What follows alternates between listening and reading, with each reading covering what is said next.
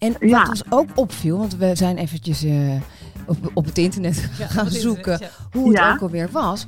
Jij zong ook die tune. Waarom? Was dat ook goedkoper, productietechnisch gezien? Dat zou je wel denken. Ze hadden ook een professional kunnen nemen. Eh, nou, ik weet ook van die showblokken. Was Ja. natuurlijk Ja, ja, de tijd van het, van het grote amusement. En een beetje show op zaterdagavond. Had een showblok met een ballet en alles. En ja, daar moest je dan als presentator of presentatrice... eh, eh, was jij het middelpunt van het showblok. Dus ik stond eh halfslachtig te tapdansen. en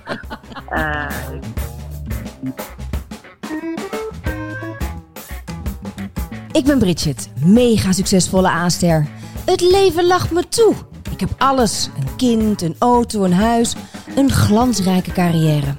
Het enige dat ik nog mis is een podcast. Maar daar komt nu verandering in. Samen met Justine en Clarice.